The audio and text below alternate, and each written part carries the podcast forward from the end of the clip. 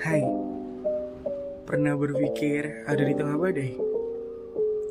Bising, riuh, dan mencekam.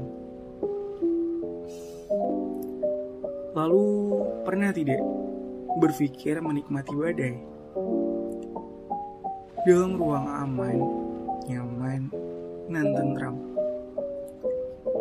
Oke, mari kita mulai.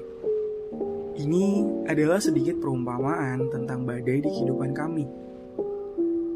Dalam satu minggu itu, lima hariku adalah badai. Sisanya kami menikmatinya. Iya, yeah, kami, aku, dan dia.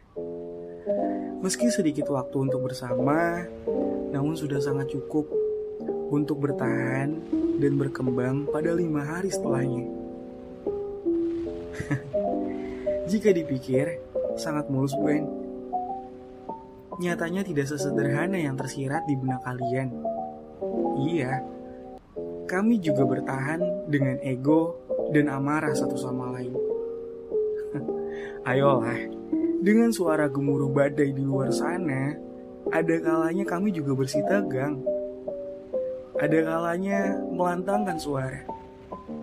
Berjuang untuk saling mengingatkan agar tak saling meninggalkan.